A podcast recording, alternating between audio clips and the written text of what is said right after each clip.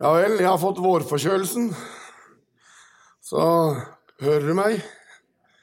Det er bra. Så begynner vi å synge en sang. Nei, sa ikke det. Jo, Mag jo Magnus ringte meg og ba meg å si at han har bursdag i dag, så jeg skulle synge for han, men jeg klarer ikke. Dere får synge for han, dere. Jo Magnus har bursdag.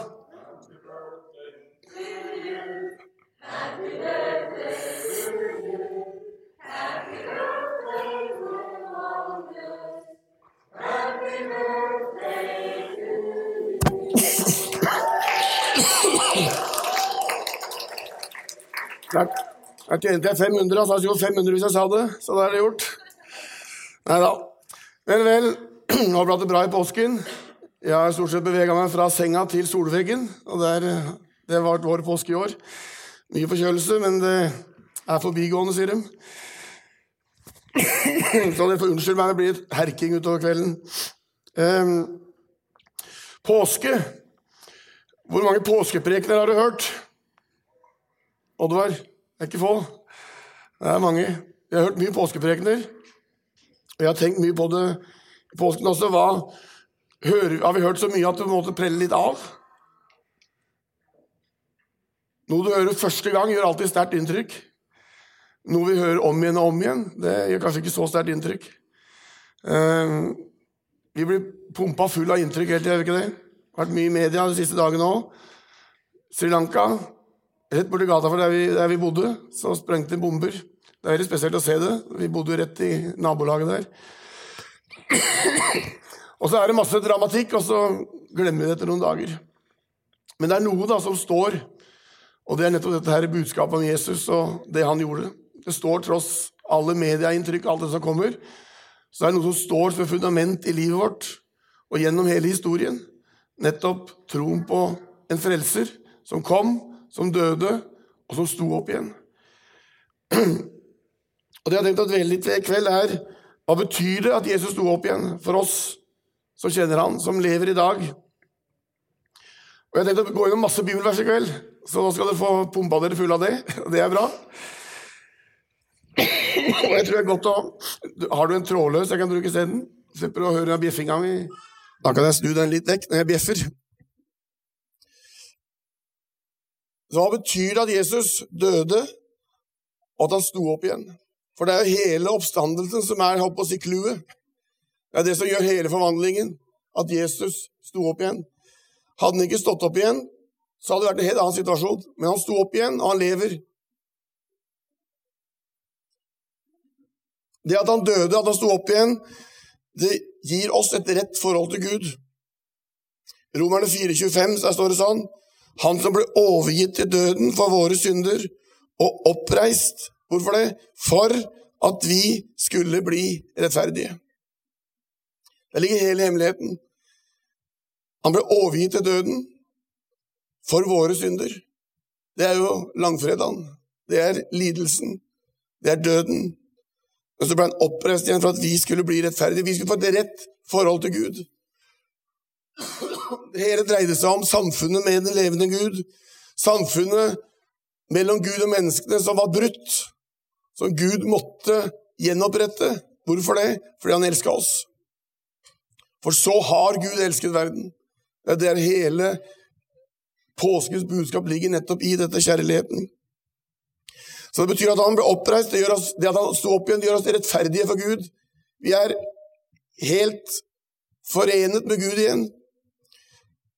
Gir oss et rett forhold. Det er fantastisk hvis du begynner å dvele litt ved det. Selv om vi har hørt det hundre ganger, så begynner du å dvele litt ved det. At jeg, en forkjøla predikant, har et rett forhold til den allmektige Gud. Når han ser på deg og meg som har tatt imot Jesus, så ser han oss rene og rettferdige himmelen verdig. Det er fantastisk. Og det burde jo skape en form for glede i oss. Da. En form for begeistring. Og ikke bare det, men de har også et nytt liv. Vi er ikke den samme lenger. I det øyeblikket vi får lov å ta imot den oppstandende Kristus. Romerne 6,4 skriver Paulus vi ble begravet med ham da vi ble døpt med denne dåpen til døden. Og som Kristus ble reist opp fra de døde for sin, sin fars kjærlighet, skal også vi vandre et nytt liv. Så det er et før og et etter. Et nytt liv. og det livet vi vil overleve sammen med Jesus, som en følge av hans oppstandelse. Og ikke bare at vi får lov å leve et liv sammen med Jesus, et nært forhold til Gud, i det intime, tette forhold til Gud, et forhold som er tettere enn noe annet forhold. Han vet alt. For noen så virker det kanskje skremmende. Men for en fantastisk sannhet og visshet at han veit alt. Jeg bør ikke slite med å prøve å forklare eller unnskylde meg. Han veit alt, han kjenner meg. Jeg får lov å leve sammen med han. Men ikke bare det. Johannes skriver sånn Og hver den som lever og tror på meg, sier Jesus, skal aldri i evighet dø. Da kommer det evige livet inn. Fordi han overvant døden og dødsriket. Død, hvor er din brodd? Død, hvor er din seier? Han vant over døden.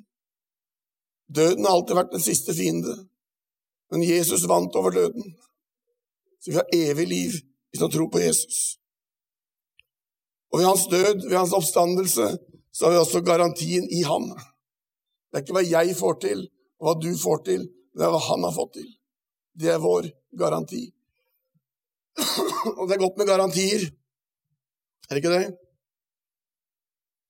TV-en røyk, vet du. Det er katastrofe. Og jeg trodde det var, det var over to år siden jeg kjøpte den, og da må jeg kjøpe ny. Nei da, det var garanti. Den varte i fem år. Det er fenomenalt. Sparte mye penger. Men dette er en garanti for liv og for evighet. Troen på den oppstandende Kristus. Romerne 5,10 For mens vi ennå var Guds fiender, ble vi forsonet med Han ved hans død, sønns død. Når vi nå er forsonet, hvor mye mer skal vi ikke da bli frelst ved hans liv? Det er ikke bare det, vi har også vår stolthet i Gud ved vår Herre Jesus Kristus, Han som har gitt oss forsoningen. Han har gitt oss forsoningen, og så i videre Hebreerne 7,25.: Derfor kan han også fullt og helt frelse dem som kommer til Gud ved ham, fordi han alltid lever og går i forbønn for dem. Gud ga sin sønn. Han ga sitt liv. Han sto opp igjen, og så får vi leve med han, og så har vi blitt rettferdige overfor Gud. Det er ikke skillerenger mellom Gud og mennesker. Så står det at han går i forbønn for oss. Hvorfor det? For at vi alltid skal ha det rette forhold til Gud. Så går Jesus i forbønn for oss. Når han ser vi er ute og kjører, eller når han ser at vi har tråkka feil, så går Jesus i forbønn for oss til Gud. Og så viser han til avtalen. Avtalen er signert med hans blod på Golgata. Det er viktig å ha en avtale. Og Jesus han har skrevet under avtalen. Da han ropte 'det er fullbrakt, det er ferdig', så signerte han med sitt eget dyrebare blod. Og så, får, og så går han i forbønn for oss. Hvor mange av oss har ikke gått og følt på at vi ikke fikk det til? At vi ikke får det til? At vi ikke gjør nok sånn eller nok sånn. Han har fått det til. Han skjønner at vi ikke alltid får det til. Og da går Jesus i forbønn for oss. Det er frelserne. Det er garantien. Og fordi Jesus sto opp igjen, så får vi også oppleve denne himmelkraften i våre liv. For den kraften som reiste Jesus opp fra døde, den står at den er virksom i våre liv. Derfor skriver Paulus i Efeserne 1 jeg ber om at vår Herre Jesu, vers 17, jeg ber om at vår Herre Jesu Kristi Gud, herlighetens Far, la dere få en ånd som gir visdom og åpenbaring, så dere lærer å kjenne Gud. Må Han gi dere lys til hjertets øyne, så dere får innsikt i det håp Han har kalt dere til. Hvor rik og herlig Hans arv er for de hellige, hør nå, og hvor overveldende Hans kraft er. Hvor da? I himmelen? Nei, hos oss som tror. Det er jo ganske fantastisk, da. Hvor overveldende hans kraft er hos oss som tror. Altså, Den kraften som reiste Jesus opp, den er hos oss. Det er vår del. Med denne veldige makt og styrke reiste han Kristus opp fra de døde og satte ham med sin høyre hånd i himmelen. Det er samme kraften over alle makter og åndskrefter, over alt velde og herredømme, over alle navn som nevnes kan, ikke bare denne tiden, men også i den kommende. Alt la han under hans føtter, og han hodet over alle ting, ga han til kirken, som er Kristi kropp, fylt av Han som fyller alt i alle. Dette er resultatet av oppstandelsen. Den kraften er virksom i deg og meg. Vi trenger ikke rope på kraft, den er der. Men snakk om å bruke den. Oppstandelsen gir oss framtid og håp. Den gir oss håp for det som ligger foran. Mange mennesker sliter nettopp med akkurat det der med ikke ha håp. I Japan tar ca. 100 mennesker livet av seg hver dag. Det er den vanligste dødsårsaken for menn mellom 20 og 24 år i Japan. Det er selvmord. Og Hovedgrunnen er de ser ikke noe håp. De ser ingen grunn til å leve. Livet er jo bare prøvsomt, og så er det ikke noe framtid. Det er slit, det er kav etter å få det til, og når du ikke får det til, så er det ikke noe håp. Så får vi lov å komme med håpets evangelium.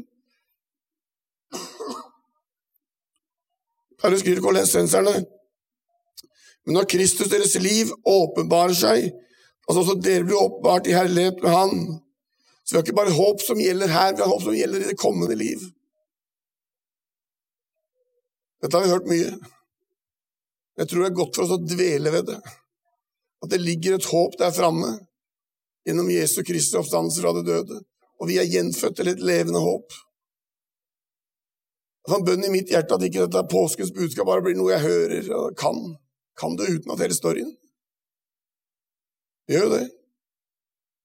Nå Den hellige ånd,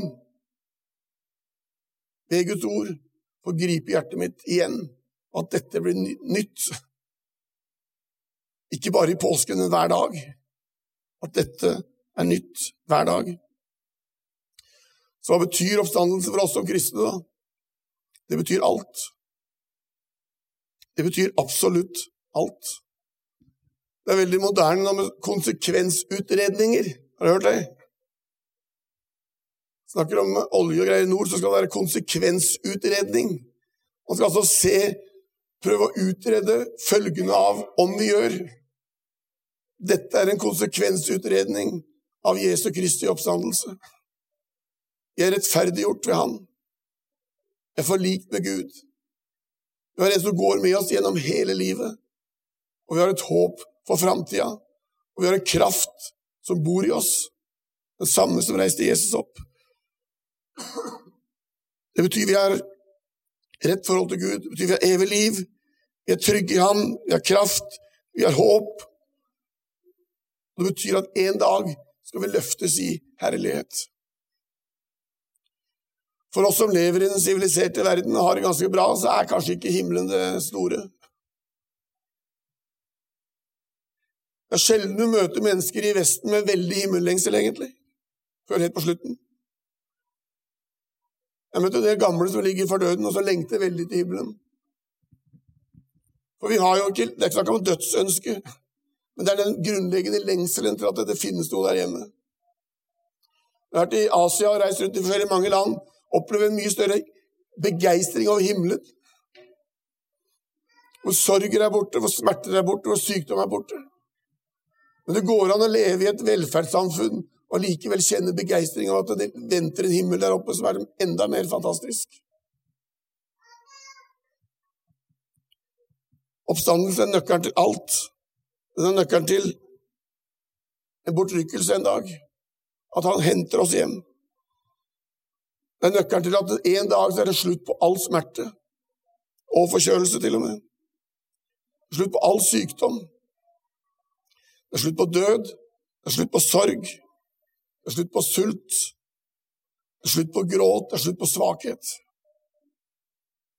Det kommer en dag hvor alt dette er borte. Det er fantastisk å kjenne at dette livet er vi frelst inn i. For det var en som ropte 'det er fullbrakt'. Når vi virkelig kommer hjem, da skal vi virkelig se hvem han er. Så er det så fantastisk lov å få en forsmak mens vi bor her nede. Da skal vi se all hans herlighet. Og det står i Matteus da skal de rettferdige skinne som solen i sin fars rike. Hvem er det rettferdige, da? Det er oss som sitter her, blant annet. Da skal vi skinne som solen i sin fars rike. Det er ikke alltid føler den, men det kommer en dag.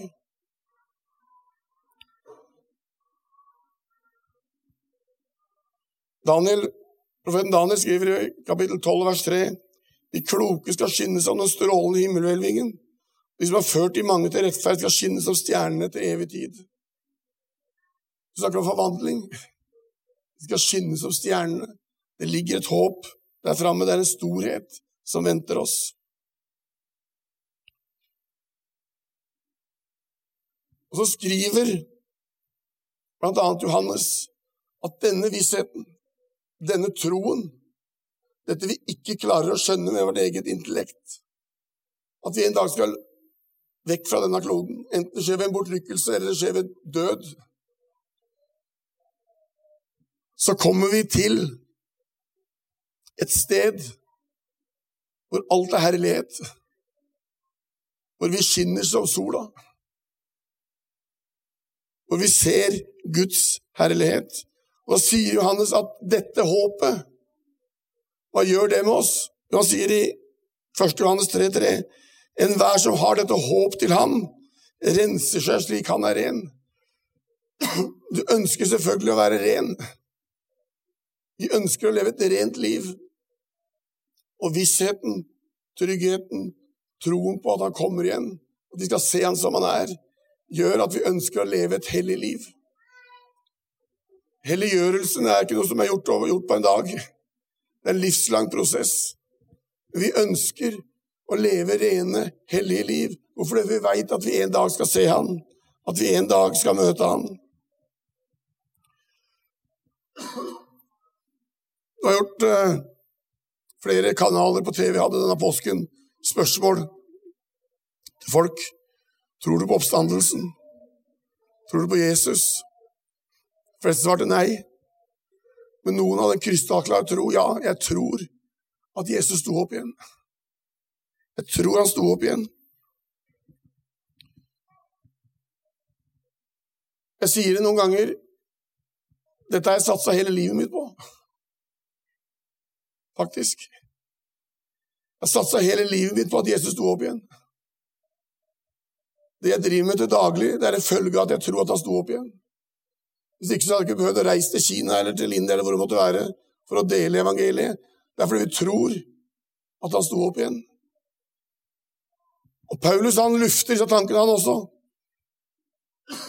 Han sier det klart at hvis, ikke, hvis han ikke har stått opp igjen, ja, så er vi jo, det er jo helt håpløst.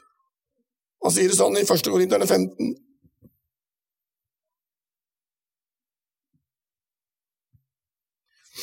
vers 17 20. Men hvis Kristus ikke har stått opp, da er deres tro uten mening. Det er sant. Altså Hvis Jesus ikke har stått opp igjen, så er jo troen vår helt uten mening. Og dere er fremdeles i deres synder. For da gjelder jo ikke forsoningsdøden heller. Men så sier han da er også de fortapt som har sovnet inn i Kristus. Altså De som trodde på Jesus og sovna inn, ja, det er, det er ikke noe håp for dem heller. Og sier hvis, vårt håp til Kristus gjelder bare for dette livet, ja, det er vel de ynkeligste av alle mennesker. Det er ganske klart alle, det. Han sier altså på godt norsk hvis Kristus, hvis dette håpet til Kristus gjelder bare for dette livet, ja, så er vi de dummeste av alle mennesker. Det er helt håpløst. Da har vi jo ingenting. Så sier han så fantastisk, som gjør hele forskjellen. Men nå er jo Kristus stått opp fra de døde som førstegrøden av dem som er sovnet inn. Hvorfor, hvordan kunne Paulus si det, da? Fordi han hadde møtt ham. Han hadde opplevd Jesus som en virkelighet. Første gang Paulus møtte ham, så het han Saulus, og han fikk høre 'Saul, Saul, hvorfor forfølger du meg?' Han opplevde å møte den levende, den oppstandende.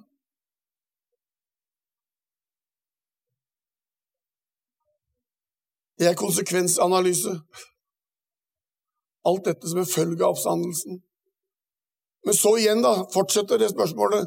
Hva betyr det for deg og meg, da? Hva betyr det for oss at han døde, at han sto opp, at vi har fått alt dette? Hva betyr det? Betyr at vi skal si takk og sitte og kose oss? Konsekvensen av oppstandelsen står i 2. Korinterbrev 5, fra vers 14. For Kristi kjærlighet tvinger oss. Vi vet at én er død for alle, derfor er de alle døde. Og han døde for alle, for at de som lever, ikke lenger skal leve for seg selv, men for han som døde og stå opp for dem. Det er hele oppskriften det. Han døde for alle, for at de som lever Hvem er det, da? Det er deg og meg, det, så vidt jeg kan se.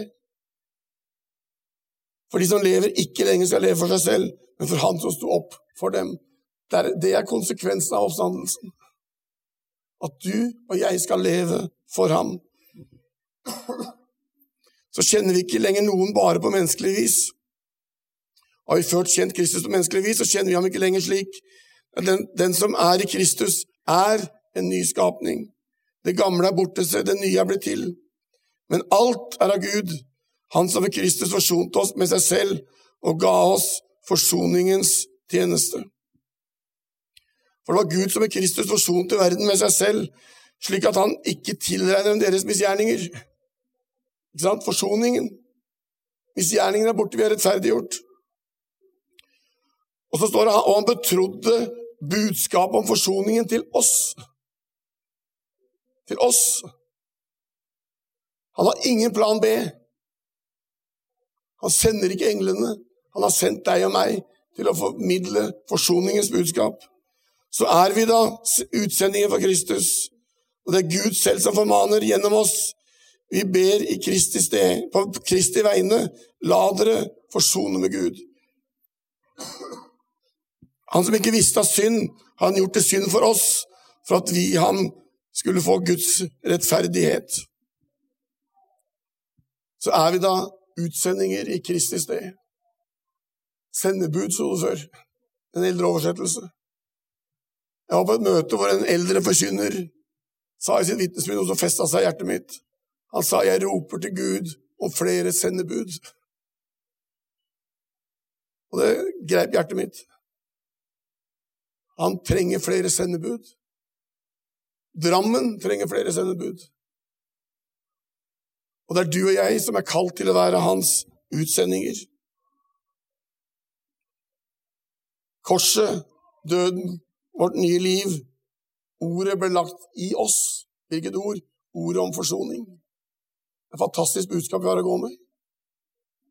Til Japans håpløshet. Til Kina, til Brasil. Swaziland, you name it. Så har vi fått et forsoningens budskap.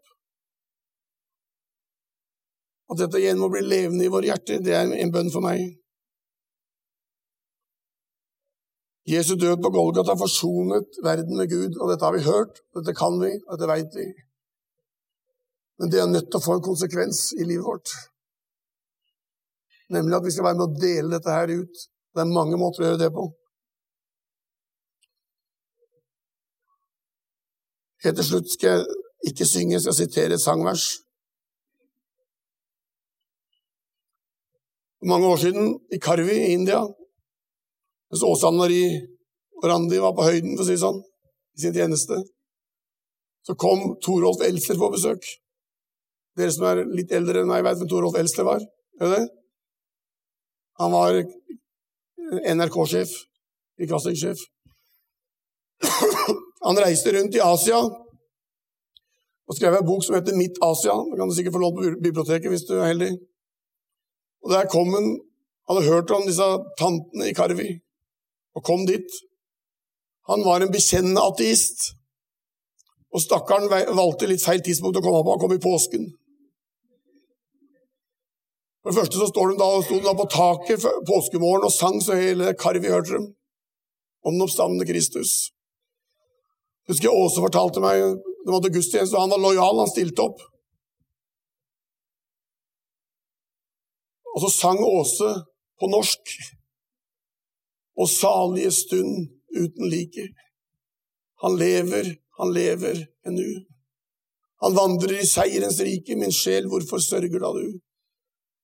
Jeg fortalte Åse, som var ganske nøktern, sånn, hun sa da rant tårene på Toralf Elster. Og det gjorde et utslettelig inntrykk på han, og han skriver om det i boka si også. Hvilket inntrykk det troen til satantene gjorde på han. Og så sang hun dette verset Han lever. Og det kan du og jeg få være med å synge i våre hjerter. Han lever, og jeg skal få bringe hans venner det salige ord. Tenk jeg som er ringens blant ringe, den minste han kjenner på jord. Tenk jeg skal hans hilsen frembære, og kunne jeg synge det ut, og kunne ei engler begjære, å gå med så salig et bud. Vi er satt høyere enn englene. Englene får ikke lov å gå med dette budet, men du og jeg får lov. For en privilegium, for en mulighet. Amen. Jesus, vi takker deg. Takk at du døde mens du opp. Og så gjorde du gjennom din død de som tror på deg, rettferdige for Gud. Og så får vi leve et liv, et rent forhold til Gud, den allmektige. Og så får vi leve et liv hvor vi får oppleve at tett ved sida mi går Jesus. Alltid vil han være der. Jeg trenger ikke gå otast når jeg følger Jesus her. Og så får vi oppleve, som Peter lovsynger deg når han sier 'Lovet være Gud, vår Herre Jesu Kristi Far', som har gjenfødt oss til et levende håp. Takk deg for løftet som sier at en dag skal vi se deg som du er. Men mens vi er her nede, så har du lagt inn i våre hjerter ordet om forsoningen. Ei kunne vel engler begjære å gå med så salig et bud. Herre, gi oss opplatte øyne så vi virkelig ser enda en gang hvor rikt og stort og fantastisk dette budskapet er, så vi ikke kan tie stille om det vi har sett og hørt. Takk at det, det, står at den kraften som reiste opp, den er virksom i oss. Det er ikke egen kraft, eget slit, eget kav, men du gir oss den kraften vi trenger for å være dine utsendinger. Hjelp oss til det, Jesus. Her i Drammen, der hvor vi bor, der vi ferdes. Takk at du har lagt ned i oss ordet om forsoningen. Og så veit du også at det finnes så mange rundt oss, tett innpå oss, som ikke har opplevd dette livet. Hjelp oss til å være dine utsendinger, dine stedlige representanter, i nabolaget, på studieplassen, på skolen, på arbeidsplassen. Takker deg for at du har gitt oss alt det vi trenger. Tenn oss i brann for ditt rike. Amen.